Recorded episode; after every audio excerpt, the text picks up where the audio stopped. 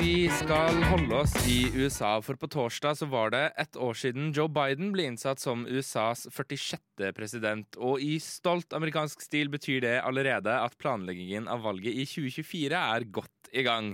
Men denne uken kom det litt uventede nyheter fra republikansk hold, og derfor er du her, Amalie Sundby, journalist i Opplysningen 3,3. Hva har skjedd i det republikanske partiet denne uka?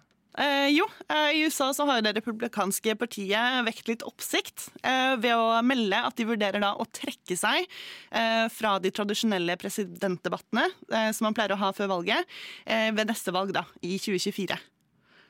Eh, og ehm, jeg har da fått se et brev som partilederen Ronna McDaniel har sendt ut, hvor hun eh, beskriver da hvordan de og potensielt velgerne har mistet tillit til de som arrangerer debattene, altså um, The Commission on Presidential Debates. For hva er denne Commission on Presidential Debates?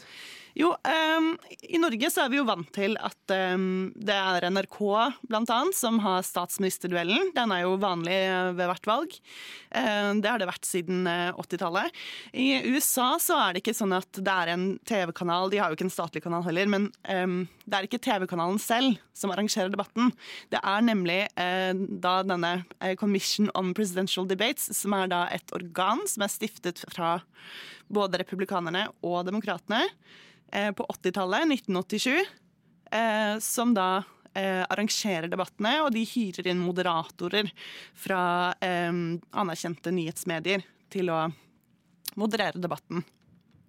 Men nå er altså republikanerne misfornøyde med kommisjonen. Hvor, hvorfor det?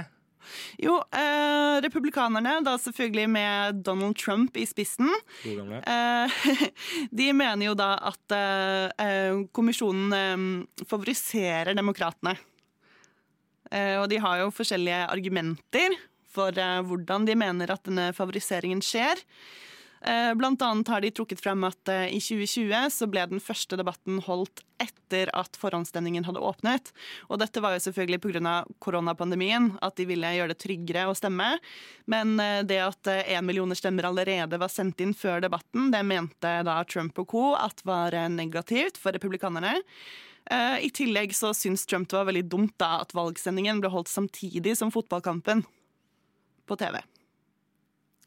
Det er jo et kjent problem det at eh, fotballkamper holdes samtidig eh, med, med, med TV-debatter, og at man derfor ikke gidder å se på. Du kjenner deg vel igjen i den, Sebastian? Ja, absolutt. absolutt, absolutt. Har mista en rekke store, store verdenshendelser rett og slett pga. sporten går i veien. Nei, men altså, Dette er jo oppsiktsvekkende. At de rett og slett eh, velger å si at dette gidder vi ikke ta del i engang. For er, det, er det da også noe av dette med, med da, du har Trump i spissen med dette forakten for rett og slett mainstream media. At du har denne, denne, denne ja, rett og slett ringeakten mot, mot uh, disse, disse, mainstream mediene. Selv om du da har et bredt medieperspektiv, jeg tror, inn i denne kommisjonen, så er ikke det bra nok, rett og slett. Fordi de anser at dette er uh, imot alt vi står for, eller hva? hva, hva ja, det kan ha noe med saken å gjøre. Uh, han har jo annet uh, kritisert en av moderatorene for at Trump ble faktasjekket i løpet av debatten, sånn at hver gang han sa noe som ikke stemte, så fikk publikum beskjed om dette. Og I tillegg så endret de jo også reglene etter den første debatten. fordi i den første debatten så hadde Joe Biden veldig problemer med å få eh, snakket ferdig og sagt alle tingene han skulle si, fordi Trump hele tiden avbrøt. Så da ble det bestemt i siste liten at i andre debatt så skulle mikrofonen til den som ikke snakket, være skrudd av.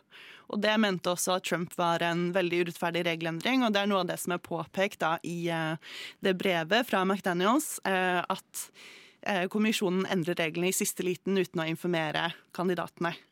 Men når de ikke vil delta på disse debattene som er avholdt av denne kommisjonen, betyr det da at de ikke kommer til å delta i noen debatter? Nei. altså eh, Debattene fra kommisjonen sin side som sagt startet jo eh, på 80-tallet, og det var jo debatter før det også. Eh, det er kanskje noen som husker ikke, noen av oss selvfølgelig, men noen av besteforeldrene våre som kanskje husker debattene mellom Kennedy og Nixon, der Kennedy fikk mye komplimenter for å fremstå som ung og kjekk, mens Nixon bare sto og svettet. og Etter det så ville jo ikke han være med på debatter heller. Men da vant han jo to valg etterpå, da hvor han ikke var i debatt.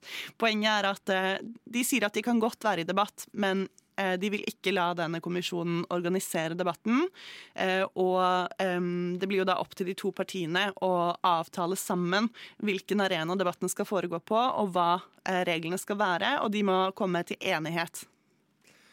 Uh, Amalie Sundby, tusen takk for at du gadd å lese deg på dette. For dette kjenner jeg at det, det hadde ikke jeg giddet. Hadde du giddet, Sebastian? Ja, dette syns jeg faktisk er litt interessant, så dette kunne jeg gjerne lest meg på. Altså, dette, nå, nå, nå, bringer du mye spennende til, til bordet her, og det takker jeg deg for.